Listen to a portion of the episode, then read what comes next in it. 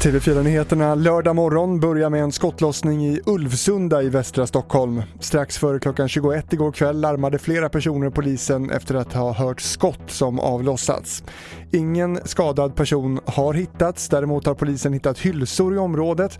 Ingen misstänkt är gripen men vittnen har sett två personer lämna platsen springande. En dubbeldäckarbuss körde in i en bro i centrala Lund vid midnatt. Minst en person fick föras med ambulans till sjukhus. Sydsvenskan skriver att omkring 10 personer ska ha befunnit sig på bussen vid olyckan.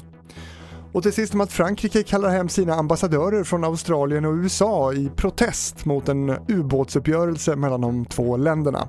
Beskedet kom sent eh, igår kväll, dagen efter det att USA, Storbritannien och Australien sagt att man förenas i en säkerhetspakt.